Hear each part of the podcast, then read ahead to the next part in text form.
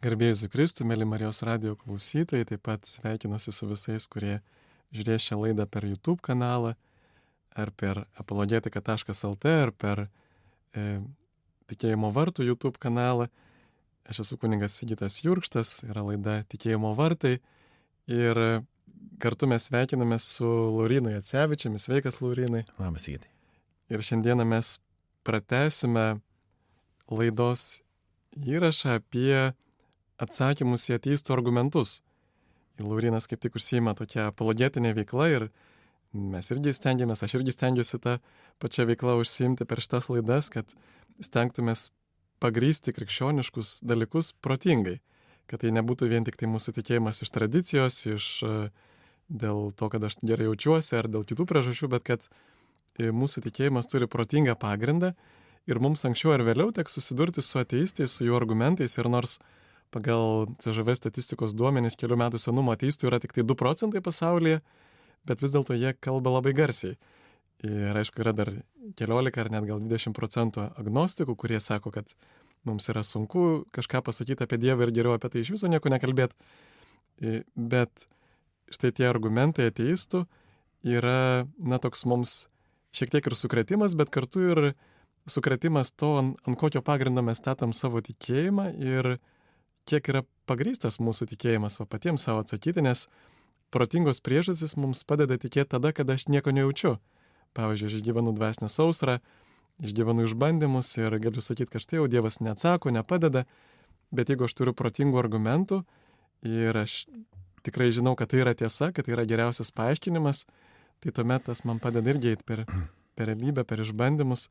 Ir šiandien mes tęsime tokio at, at, argumentus, atsakymus į argumentus tokio ateisto chemiko Peter Atkins, jisai buvo Oksfordo profesorius, yra žinomas rašytojas, daug yra prašęs apie chemiją ir labai dažnai debatuoja su krikščionio apologetais, norėdamas įrodyti, kad Dievo nėra.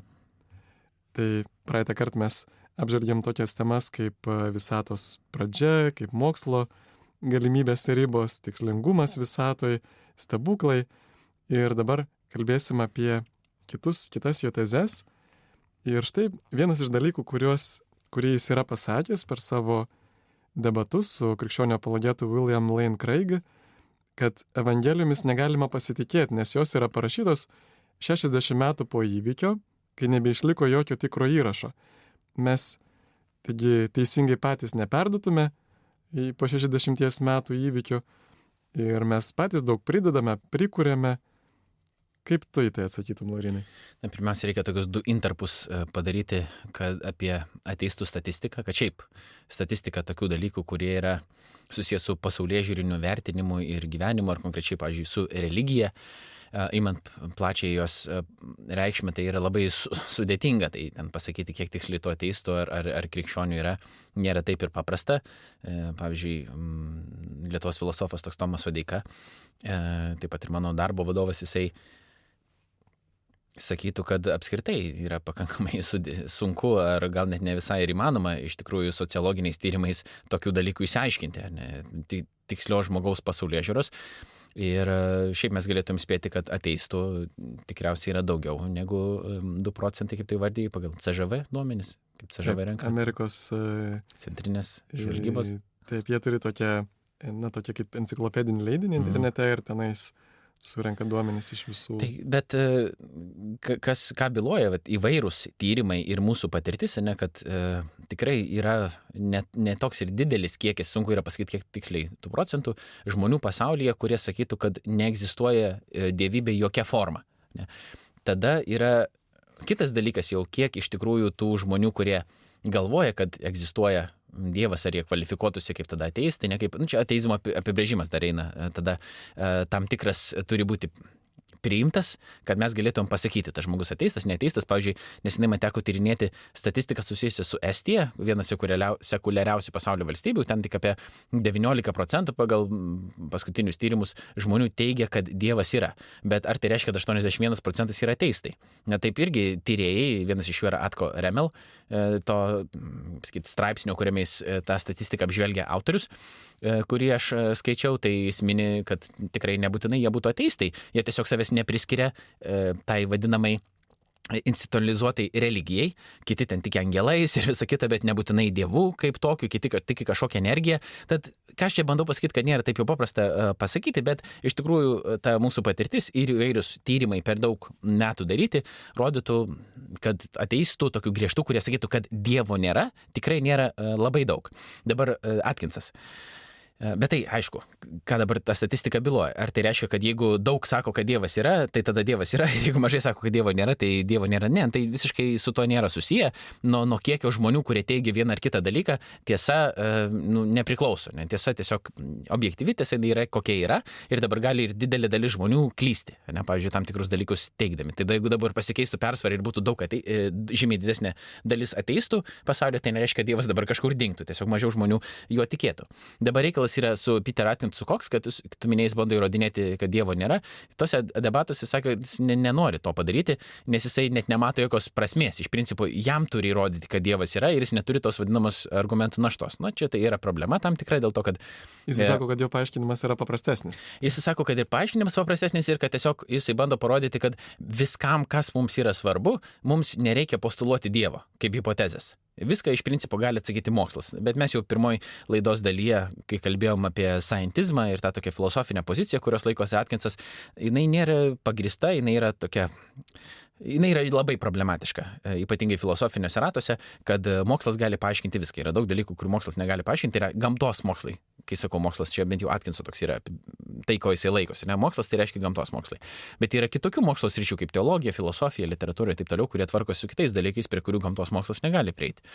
Tai Gerai, tai bet Atkinsas sako, kad tiesiog mums nereikia Dievui. E, bet jeigu mes žiūrėtume, pavyzdžiui, į Dievo buvimą per tą prizmę, kurią pateikė Alvinas Plantinga, mano jau pirmoji daly minėtas e, krikščionių filosofas, tikrai labai rimtai vertinamas, laikomas tikriausiai iškiliausių dar gyvų krikščionių filosofų šiomis dienomis.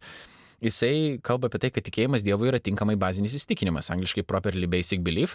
Ką tas reiškia, kad, e, pavyzdžiui, aš turiu įsitikinimą, kad tu esi, Ir aš negaliu net pateikti jokio gero filosofinio argumento, kad tu, tu esi. Aš tiesiog priimu, kad tu esi, kad yra tam tikras protas, kuris yra ne aš, ne esantis šalia manęs. Ir kol aš neturiu jokio šitą mano supratimą realybės paneigiančio uh, vadinamo nugalėtojo, angliškai defeaterio, nugalinčio įsitikinimo, tol aš esu racionalus laikydamasis tos pozicijos, kad tu esi, kol aš negausiu, sakykim, tokių visą apimančių ir nugalinčių įrodymų, kad taip nėra. Tai pavyzdžiui, jis laiko, kad ir tikėjimas Dievu nėra uh, nėra neutrali pozicija būti ateistu, kaip Atkinsas, pavyzdžiui, sakytų. Ne, bent jau mes taip darom tokį prielaidą, kad jis taip sakytų. Tai nėra neutrali pozicija, nes daug žmonių, netgi ir nuo mažumės, uh, tiki, kad Dievas yra. Ir kad jeigu pasaulis yra Dievo sukurtas, ne, ir daug žmonių turi tą tokią Dievo pajautą, Martinas Liuteris sakytų, tą, tai vadintų e, sensus divinitatis, ar gal Kalvinas, aš dabar maišau, kuris, kur, bet čia nėra taip svarbu, bet vienas iš protestanto nevadinamų um, tėvų, tai um, yra ta tokia dieviškoji pajauta, kuri daug žmonių turi, ne, tai nėra nuo realybės kažkoks atplėštas dalykas. Mes gyvename Dievo pasaulyje, mes turime tą tokią pajautą ir aš, aš, aš turiu, kaip sakyt, racion, aš turiu teisę laikyti save racionaliu ir kitus laikyti racionaliais, tie, kurie tiki, kad Dievas yra, nesant kažkokių dar papildomų įrodymų, vien dėl to, kad aš turiu tą tokią dieviškumo, sakykime, pajautą, kuri yra beveik universali tiek laiku, tiek geografiškai žiūrint. Ir kol nėra kažkokio įsitikinimo, kuris nugalėtų šitą mano įsitikinimą, kažkokių kontrargumentų tam, gerų kontrargumentų, tai aš, esu, aš galiu pagristai laikyti šito įsitikinimo. Ne? E, aišku, Atkinsas su to nesutiktų galbūt, bet aš ką bandau pasakyti, kad Atkinso pozicija nėra savaime suprantama, kad jam nereikia savo pozicijos pagrysti. Ne? Nes jeigu, ką Bilas Kreigas sakė per tos debatus, kuriuos mes ir aptarinėjom čia dabar, ką Atkinsui reikia padaryti, reikia paneigti. Jeigu jis nori pasakyti, kad Dievo nėra, jam reikia paneigti visus argumentus už Dievo buvimą. Ir tose debatuose Kreigas pateikė tris, konkrečiai tai kosmologinį argumentą uh, iš e, visatos pradžios ir vis, to, kad viskas atsiranda, tada uh, argumentai iš moralės ir istoriniai argumentai iš Jėzus prisikelimo. Sako, reikia visus tuos paneigti ir tada pastatyti savo bylą, kad iš tikrųjų Dievo nėra ir tai, mes galvo, kad mes galvojame, kad Dievas yra, tai yra neracionalu, nepagrįsta ir taip toliau. Taip, ir, ir va, tą minėjai, tu paminėjai tą sensus divinitatis, tai iš tikrųjų tai nėra tik tai jausmas, bet tai iš tikrųjų yra mūsų proto jausmas, kad visa tai, ką mes žinome, ką esame patyrę savo protu, mums ateina natūralus suvokimas savo prote, kad vis dėlto turėtų būti tas protingas kuriejas, bet va štai va grįžtant prie štai šito klausimo, to teiginio, kad Evangelijomis negalima pasitikėti, nes jos mhm. parašytos 60 metų po įvykių, kai nebeišliko jokio tikro įrašo ir mes patys teisingai po tiek metų net, pasakotume, net pasakotume dalykų, taip? Na, tuose debatuose jis teigia dar ir daugiau tokių teiginių, kad čia yra propagandinis manifestas, tos Evangelijos ir taip toliau, bet bėda yra tokia ir kad Atkinsas tiesiog teigia šitos dalykus. Jis niekaip jų negrindžia e, ir mes turėtumėm kažkaip dabar sekti Atkinsu ir sakyti, kad taip, iš tikrųjų, va taip, kaip aš nežinojau, kaip dabar man Atkinsas apšvietė, atvėrė akis ir dabar aš supratau, kad tai yra iš tikrųjų tik kažkoks propagandinis politinis manifestas ir e, jokių būdų jisai negalėjo būti parašytas taip, kaip buvo tie įvykiai ir taip toliau.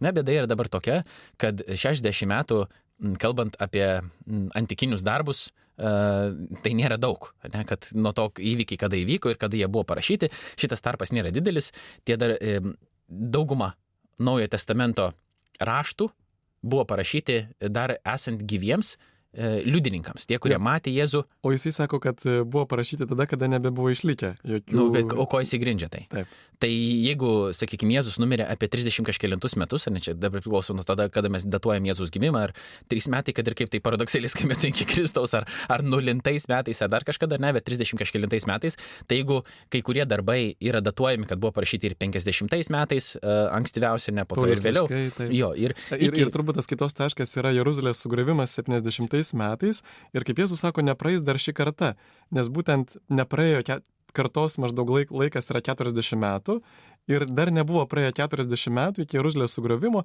ir jis jau yra užfiksuotas. E, bet, bet čia vėlgi ne, ne, ne apie tai aš kalbėjau apie Jeruzalės sugriovimą, bet apie tai, kad e, kada Paulius rašo apaštalų, da, kada Lukas rašo apaštalų darbus, e, dar prieš tai, reiškia, dar jisai kalba apie gyvą Paulių.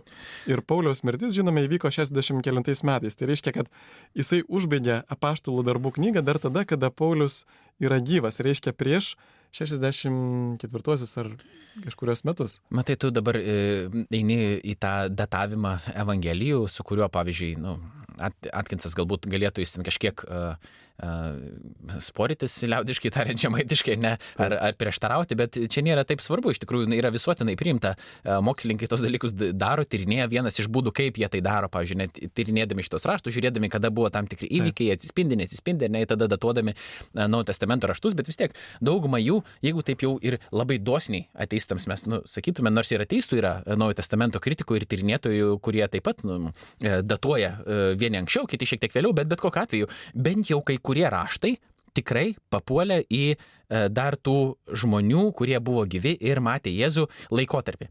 Tai kai jie buvo parašyti ir kai buvo bilojama apie Jėzų, ne, tai e, vienas dalykas, kas galėjo e, būti arba turėjo būti, jeigu tai būtų viskas surašyta klaidingai, tikėtina, kad turėjo atsirasti kažkokių kitų istorijų, kurios nuneiktų, arba nu, ra, raštų, ar dar kad tai turėjo kažkur atsispindėti, kurios sakytų, kad vis dėlto tai, ką krikščionis va šitie skelbė, dar tie ne iš karto net buvo vadinami krikščionimis, tai tas pavadinimas buvo jam prilipintas vėliau, ne, bet tie, kurie seka Jėzumi, arba tie kelio sėkiai, kaip buvo vadinami, nėra kažkokių prieštaraujančių Evangelijoms istorijų ir nėra pakankamai ilgai. Tai Evangelijos yra ankstyviausi šaltiniai, taip pat ir vienas iš didžiausių krikščionybės kritikų, toksai Bartas Ermanas, jisai uh, nelaiko Evangelijų visiškai patikimomis, bet kad ten yra tam tikrų patikimų istorinių tiesų tai taip pat yra.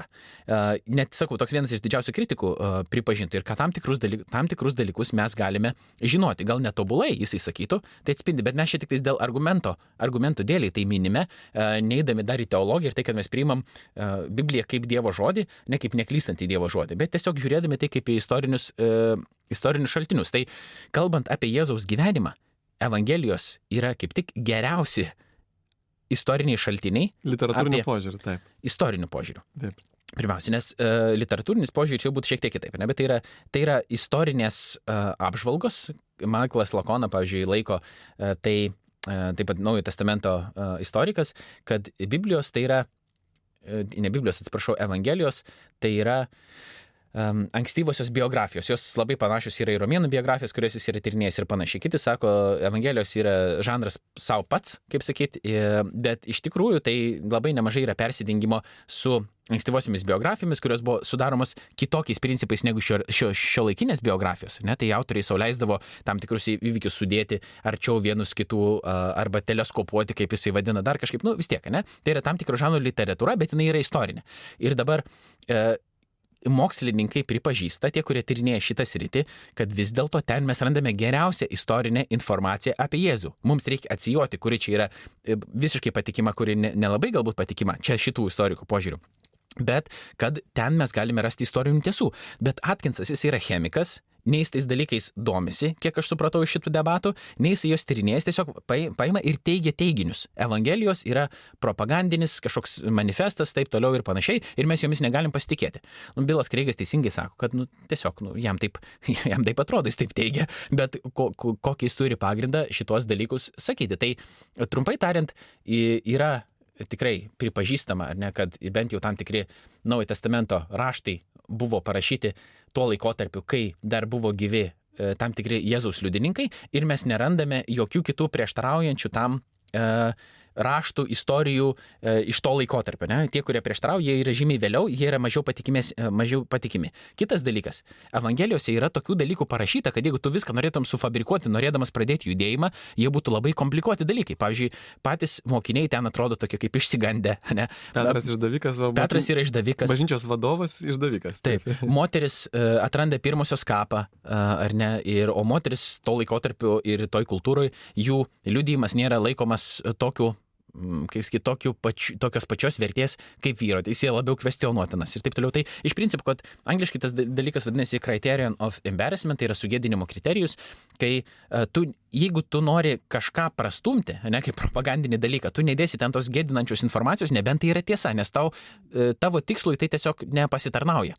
O tos sugėdinančios informacijos Evangelijose mes turim tikrai labai daug. Ir trečias, paskutinis yra momentas, kuris liudyja apie patikimumą šitų šaltinių. Jeigu mes lyginam, pavyzdžiui, su e, Evangelija pagal Tomą, kuris jau yra vėlesnis darbas, ne, ten atsiranda ir e, atskrenda iš dangaus kryžius, kuris ten kalba tam tikrus dalykus, skleidžia, ne, ten jau yra tokių teologinių, atrodytų, papildymų, ne ten tokių pagražinimų ir taip toliau, o Evangelijų pasakojimai yra literatūriškai labai sofistikuoti darbai, bet jie um, nėra tokiais vat, privelti vat, visokių tokių dalykų. Nėra pompastikos. Jo tokios pompastikos nėra, ne? Tai yra tam tikras pasakojimo žanras ir toks, toks būdas.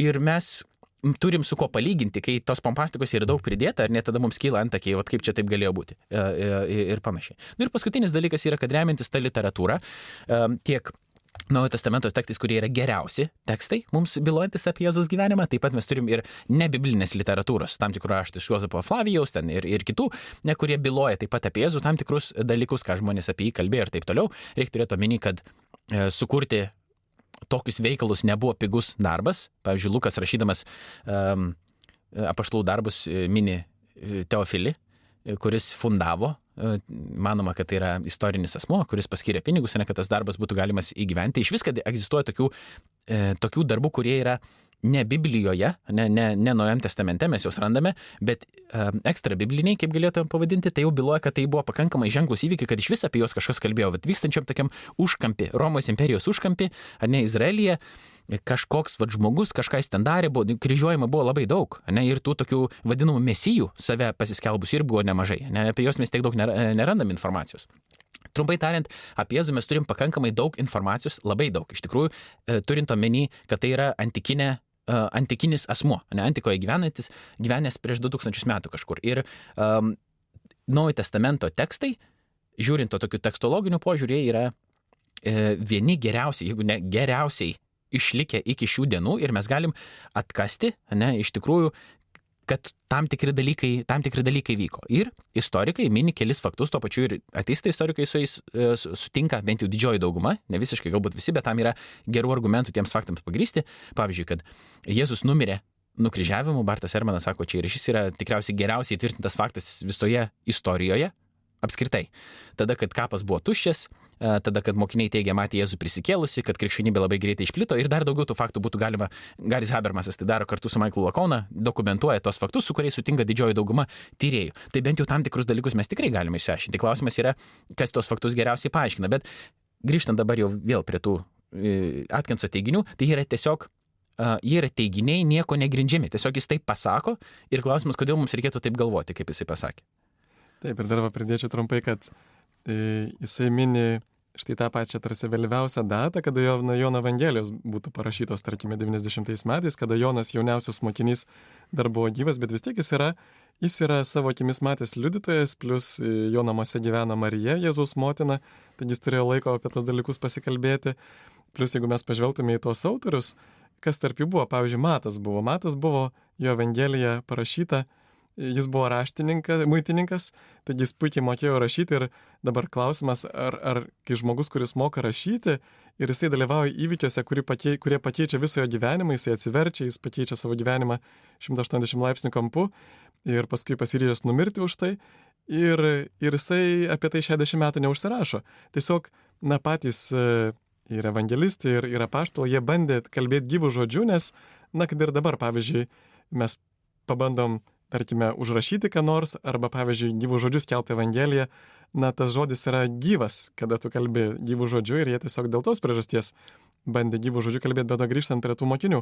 Pauk, aš galiu čia sureaguoti dar Taip. truputį, nes mes iki tiksliai nežinom, ar užsirašė ar neužsirašė. Visų pirma, tai reikia turėti omeny, kad neturėjau nieks mobiliųjų telefonų, kur tu gali greitai paimti ir pasižymėti arba turėti sąsvinę, ne ir bloknotą. Tai rašymas buvo žymiai sudėtingesnis ir ilgesnis procesas negu dabar ir žymiai brangesnis. Tai ne, ne viską tu ten pulsi tai pasidaryti, bet mes šimtų procentų nežinom, kad neužsirašė. Tai galbūt ir užsirašinėjo kažkokius dalykus. Čia vienas dalykas.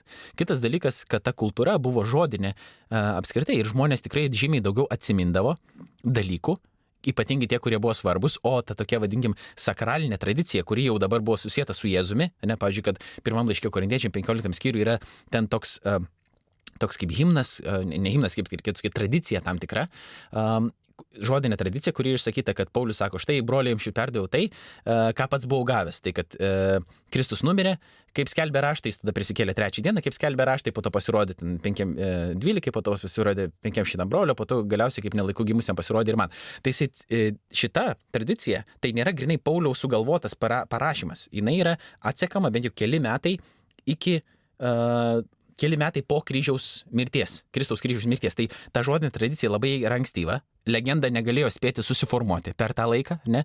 Dar buvo, kaip minėjau, tų žmonių, kurie buvo patys matę Jėzų. Mm, ir gyva, ir taip tie, kurie dalyvavo tose įvykiuose ir žiūrėjo, kas čia dabar vyksta.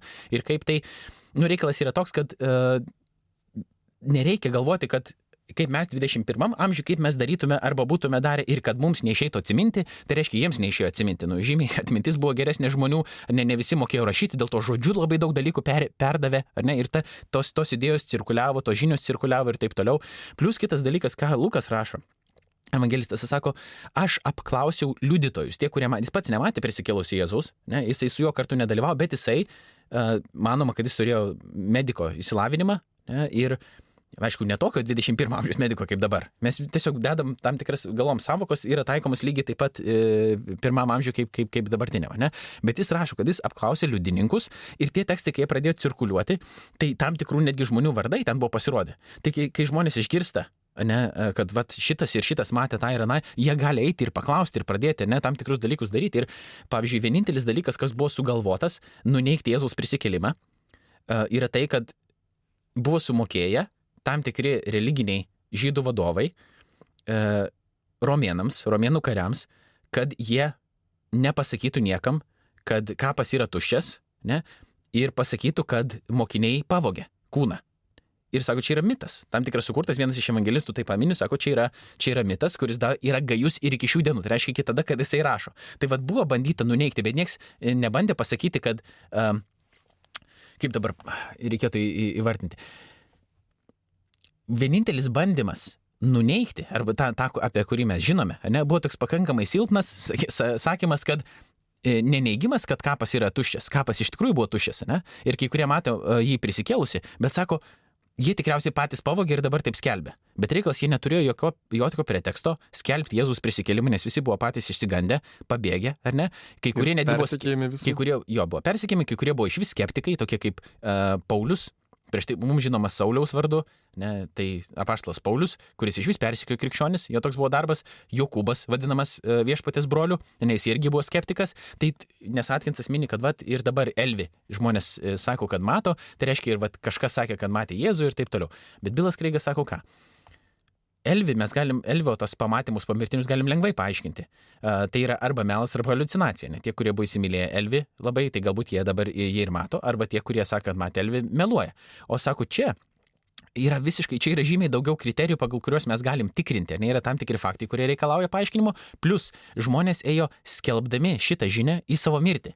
Dabar ne visi ten yra klausimų, kiek apaštalų e, numirė iš tikrųjų skelbdami e, Jėzaus tą prisikelimą, kiek netiksliai, apie kai kuriuos mes turim daugiau duomenų, apie kuriuos mažiau, bet tikrai buvo žmonių, kurie mirė neįsižadėję Jėzaus ne, ir, ir jo prisikelimo. Tai jeigu jie patys tai sufabrikavo, tai jie yra kvailiai, arba kažkokie, nežinau, arba jiems smegenų trūksta, nu kažkokie labai, to, arba jie sadomasochistai mėgsta, kad juos kankintų, mm. ta prasme kažkas ir patys sukūrė tokią situaciją, kad, jos, kad jie būtų nukankinti, nu tiesiog tai yra galima teikti labai daug teiginių, kaip Atkinsas, pavyzdžiui, mėgsta teikti, bet kuo jie yra pagristi. Tai jeigu mes pradedam, pradedam žiūrėti tos faktus, kurie yra visuotinai priimti beveik, ne, ir bandom ieškoti joms geriausių paaiškinimų, tai kaip ir Bilas Kreigas sako, taip pat ir aš sakau, tai tas teiginys mokinių lūpose, kad Jėzus prisikėlė iš numirusių ir atrodo geriausiai paaiškinantis e, tuos faktus, kuriuos mes turime. Ir jeigu Dievas yra, tai nėra neįmanoma. Problema Atkinsui visą laiką kyla tada, kad jisai e, laiko visatą uždarą, jis laiko stebuklus iš principo neįmanomais, dėl to tu, e, e, jis laiko humanitarinius mokslus mažiau mokslais arba iš vis nemokslais, kai kuriuos e, lyginant su gamtos mokslais, ir dėl to jam tu gali kiek nori pateikinėti įvairių tokių pamastymų, argumentų ir visą kitą, ir jis tiesiog nurašys dėl to, kad jo pasaulyje žiūra neleidžia jų priimti. Taip, ačiū čia Laida Tikėjimo vartai, per mikrofoną aš kunigas Įgytas Jurkštas, mes kalbame su Laurinu Jacevičiumi apie atsakymus į ateistų argumentus. Ir štai dabar prieikime dar prie tokios temos apie blogį ir kančią. Kaip sako Peter Atkins, ar, ar visą mylintis Dievas galėtų lemti tiek blogio pasaulyje, įskaitant nesamoningą blogį per evoliucijos natūralią atranką. Ir tai kėlė klausimus teologams nuo pat pradžių. Ir labai paprastas paaiškinimas, jisai sako, nėra visą mylinčio Dievo, blogio egzistavimas, kančios, nelaimingo atsitikimų, nutikimas nekaltiesiems yra įrodymas prieš Dievo buvimą. Kaip tu atsakytum, Urinai?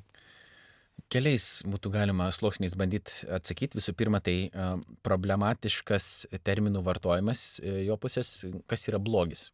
Uh, tai yra tam tikras vertinimas, kad kažkaip neturėtų būti. Ne? Tai gėris yra taip, kaip turėtų būti, blogis yra taip, kaip neturėtų būti. Dabar, e, kuo remiantis, Atkinsas gali pasakyti, kad kažkaip neturėtų būti. Visata yra ir tiek, kaip Bertrandas Raselas sako, e, žymus 20-ojo amžiaus e, filosofas. Tai kodėl dabar tam tikri dalykai, kurie vyksta, yra Atkinso vertinami kaip blogi. Kančia, taip galima sakyti, žmogus kenčia, jam skauda, ne, jam yra nemalonu, bet kas jam suteikia teisę pasakyti, kad tai yra iš tikrųjų blogai, kuo remiantis. Jisai, jo atsakymas uh, gali būti ir likti, kiek aš supratau iš tų debatų, daug mažai yra toks, nu, tai kelia žmogui kančią, skausmą ir tai yra blogai, kas kelia kančią ir skausmą. Bet tai nėra paaiškinimas, tai yra apeliacija į emocijas. Tai mes visi nenorime patirti skausmo ir reiškia, jeigu mes nenorime, reiškia, tai yra blogai. Bet moraliai tai nėra nei blogai, nei gerai, uh, tai yra objekty, objektyviai žiūrint. Tai yra tik subjektyviai blogai. Nu, man nepatinka, ne? Bet jeigu mes norim pasakyti, kad kažkas yra tikrai blogai arba tikrai gerai, mums reikia standarto, kuris peržengia mane. Tai tas standartas negali būti gamta, nes gamta negali duoti jokio moralinio įstatymo. Ne?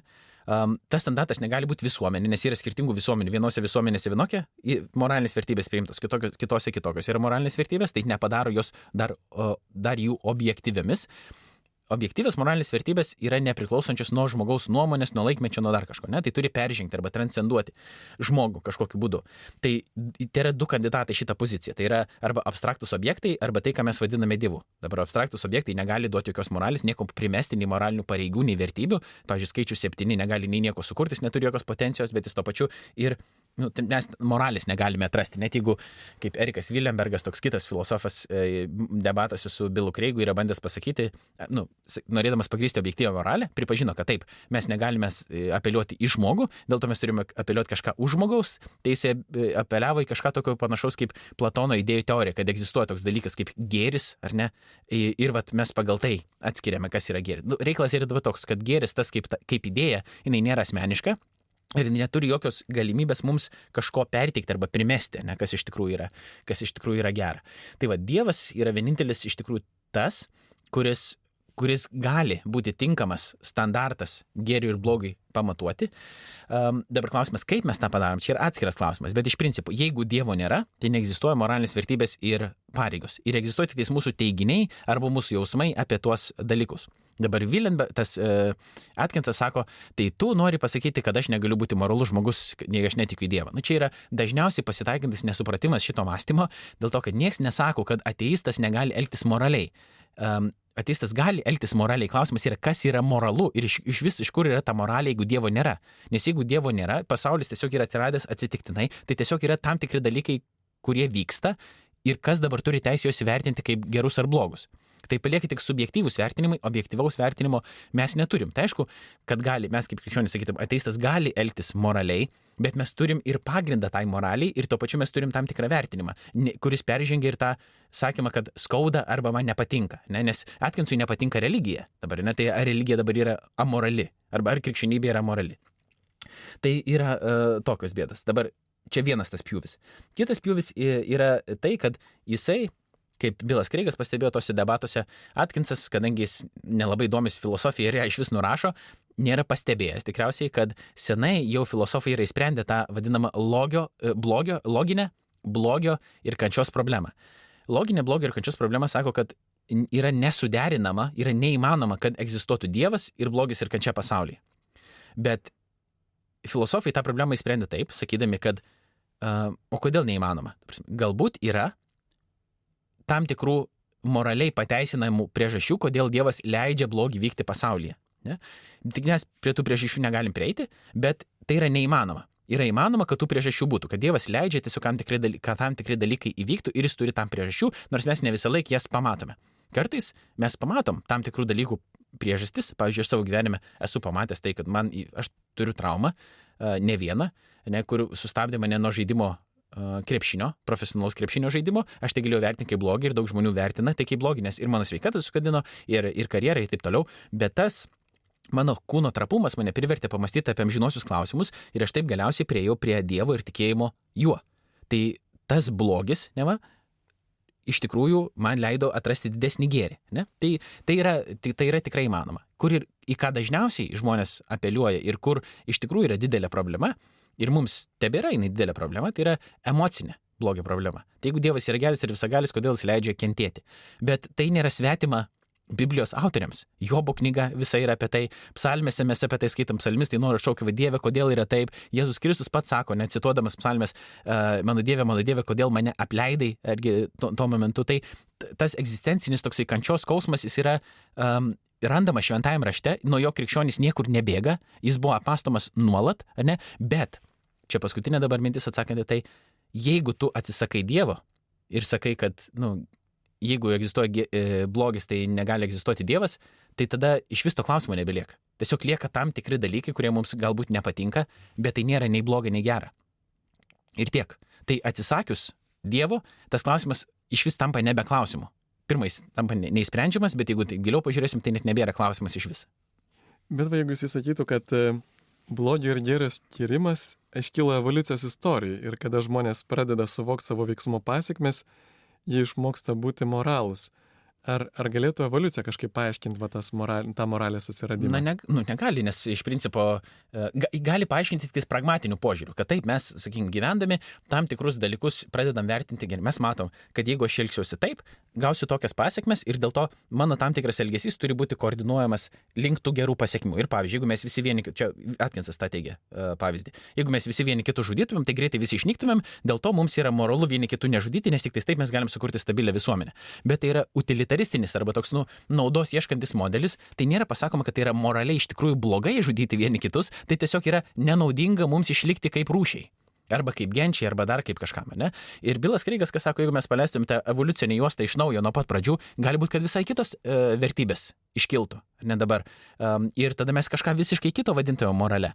Tai e, evoliucinis mechanizmas nėra pajėgus paaiškinti uh, moralės objektivumo, kad kažkurie dalykai yra visada ir visur blogai. Pavyzdžiui, ten rasizmas arba m, mažų kūdikių prievartavimas ar dar kažkas. Ne? Tai yra tiesiog objektyviai blogi dalykai ir nesvarbu, kas ką apie juos galvoja. O dabar ta Atkinso pozicija yra tokia, jis tiesiog pavadina naudą gėriu, ne, ir kažkokį skausmą arba kančią blogiu, ir tiesiog nu, keičia diskursą. Ne, jisai paima tas moralinės kategorijas ir, ir, ir, ir iš tikrųjų jas pavadina kitais dalykais. Tiesiog nu, man patinka, nepatinka, arba aš turiu naudą kažkokią e, ir tada arba jaučiuosi, kad man skauda ir kenčiu ir dėl to tai yra blogai. Bet kodėl tai yra blogai? Tai tiesiog man nepatinka galbūt, bet moraliai tai nebūtinai yra blogai. Kas, kas pasakys? Ne? Taip, ir mes jau va, visai artėjami pabaigą laidos, galvoju dar kurį čia argumentą jo galime pakedenti šiek tiek. Na, jis dar paminė tokį dvasininkų irgi pavyzdį. Čia jis kalba, čia Dievo ne apie katalikų, bet apie protestantų dvasininkus. Sako, kad, kad Mančesterėje tikintieji įsitikinę Dievo gydomąją gale, paklausė pastoriaus ir nustojo vartoti vaistus ir trys iš jų mirė, nors tikėjo, kad Dievas juos veda, tai kur buvo Dievas tuo metu, netikiu tokiu dievu, o pastoriai vadovavomės religinę moralę tapo blogai žmonėmis. Blogio tą klausimą mes įsprendėm, kas pasakys dabar, kad uh, Atkinsas neturi iš vis kaip pasakyti, kad tai yra blogai. Jis tiesiog gali sakyti, kad žmogaus žūtis yra blogas dalykas dėl to, kad jis praranda gyvybę, bet o ko, kokia yra Atkinso pasaulyje žiūrėjo gyvybės vertė? Krikščionis gali patvirtinti gyvybės vertę, ne? nes die, žmogus yra sukurtas pagal Dievo atvaizdą ir panašumą, ne žmogus pats davė uh, savo gyvybę, jis negali atimti jo nei iš kito, nei iš savęs. Ne? Tai E, tai čia jau Atkinsas turi e, problemą. Bet atsakyti mes galime tą klausimą kitaip irgi. Tai argi nėra gydytojai, paprasti gydytojai, ne, nugydę, liaudiškai tariant, tam tikrų ligonių, remdamėsi medicinos mokslu? Yra. Kažkada gyvsidabris buvo laikomas uh, puikiu metodu, kaip, kaip sakyti, puikia medžiaga, ar ne? Uh, kažkada, mes, kažkada mes turėjom, uh, čia jau nebe gydytojai dabar, bet turėjom tą uh, asbestinį, asbestinį šiferį, ne, kuris galbūt sukelia vėžį ir, tai, ir tam tikrus dalykus, kur buvo manoma, kad viskas yra tvarkoje. Bet gydytojai taip pat remda, gali pritaikyti, pavyzdžiui, remdamėsi grinai naturalistinės medicinos metodais, Nu, tai yra medicinos metodais, ne? Paprastais. Gali paskirti netinkamą gydimą, įsitikinę, kad taip yra geriausia tai jie gali būti suklysta, ne, arba vadovaujasi kažko netinkamu ir gali dėl to būti blogos pasiekmes. Tai ir dvasininkai gali klaidingai suprasti, pavyzdžiui, gal, jie gali klaidingai manyti, kad Dievas reikalauja, kad žmogus atsisakytų vaistų arba dar kažką. Nu, mes sakydavome, tik jie... juk pats e, daugiausia Naujojo testamento turbūt apimties parašęs Lukas, kur Evangelija pagal Luką yra paštalų darbai, jis pas buvo gydytojas, reiškia, šventas raštas neskatino tokio požiūrio, kad atmestume gydytojus. Tai ką aš ir bandau pasakyti, kad pasakyti, kad kai kurie krikščionis pasielgia prastai arba neprotingai, nereiškia, kad Dievo nėra. Ir tai nereiškia, kad čia... taip moko šventas raštas ar bažnyčia, taip. Tai, tai, tai yra, na, nu, kaip dabar pasakyti, tai yra žiauriai toksai pigus būdas bandyti prakišti tą, nu, aš niekaip nesuprantu, kaip yra įmanoma iš šito ekstrapoliuoti, kad Dievo nėra. Nu, nuspręsti, kad, žiūrėkit, kai kurie krikščionys sekdami Dievu, pridarė nesąmonių, dėl to Dievo nėra ir aš tokiu negaliu tikėti. Nu gerai, tu ir ponas Atkinsas yra pridaręs nesąmonių savo gyvenime ir dar kažkas remdamėsi savo įsitikinimais, kurie gali būti tai klaidingi ir teisingi. Padarė, ypatingai taip, bet mes, Stalinas ir, ir Hitleris. Bet mes panašus. visi padarėm. Gerai, čia netik, į tai net nereikia eiti, ne? bet, e, bet mintis, kad mes visi esam pridarę nesąmonių, remdamėsi savo kažkokiu mąstymu, kuris gali būti klaidingas. Tai, kad žmogus remdamasis teologiją primastė neteisingai ir padarė kažkokiu keistų veiksmų, tai nereiškia, kad Dievo nėra. Tai tik reiškia, kad žmogus yra ribotas ir nebūtinai viską su, sugeba suprasti teisingai. Ne? Lygiai, bet čia net nereikia eiti į teologinį lauką. Tai paimkime bet kokį žmogų, ne, kuris daro kažkokį e, reikšmingą sprendimą, jis remdamasis mąstymu, autoritetais, dar kažko, jis gali padaryti ir klaidingą sprendimą. Pavyzdžiui, ar koronavirusas Lietuvoje buvo sutvarkytas teisingai. Ne? Ir yra diskusija dabar. Vieni sako teisingai buvo sutvarkytas, tai yra politinės priemonės įvestos, kiti sako neteisingai, kiti sako, va čia buvo gerai, čia buvo blogai. Tai ką, tai žmonės rėmėsi, rėmėsi tam tikromis žiniomis, tam tikrų supratimų savo, ne, diskusijomis ir taip toliau, ir pasiūlė vienų dalykų, kurie buvo geri, ir pasiūlė kitų dalykų, kurie buvo blogi. Tai ką dabar reiškia, kas, kas reiškia, kad medicina iš vis neveikia kaip toks dalykas, ar kad mūsų protas iš vis neveikia, ar kad koronaviruso nebuvo. Ne, tai tik rodė, rodo tai, kad žmonės yra riboti ir jie gali padaryti tiek ir gerų sprendimų, remdamėsi tą, ką žino ir ką supranta, ir blogų sprendimų. Taip. Tai ką, tai ačiū Laurinui, jau turim baigti šią laidą, turiu e, kaip tik bėgti pas ligonį. Ir e, tai linkiu, kad tikrai Dievas toliau laimintų šitą tarnystę, kurią tu atlieki, apologetikos tarnystę ir va, kas norėtume daugiau laidų jo pasiklausyti Laurino, tai tikrai atrastumėt ir YouTube kanale apologetika ir apologetika.lt ir, ir svetainį tokiu pačiu pavadinimu ir, ir tinklalaidės įvairiose, tai tikrai man tai yra vienas iš, iš mėgstamiausių kanalų klausytis ir labai džiaugiuosi, Laurinai, tegul Dievas laimina tavo tarnystę ir atsisveikiname su jumis iki kitų laidų sudė. Sudė.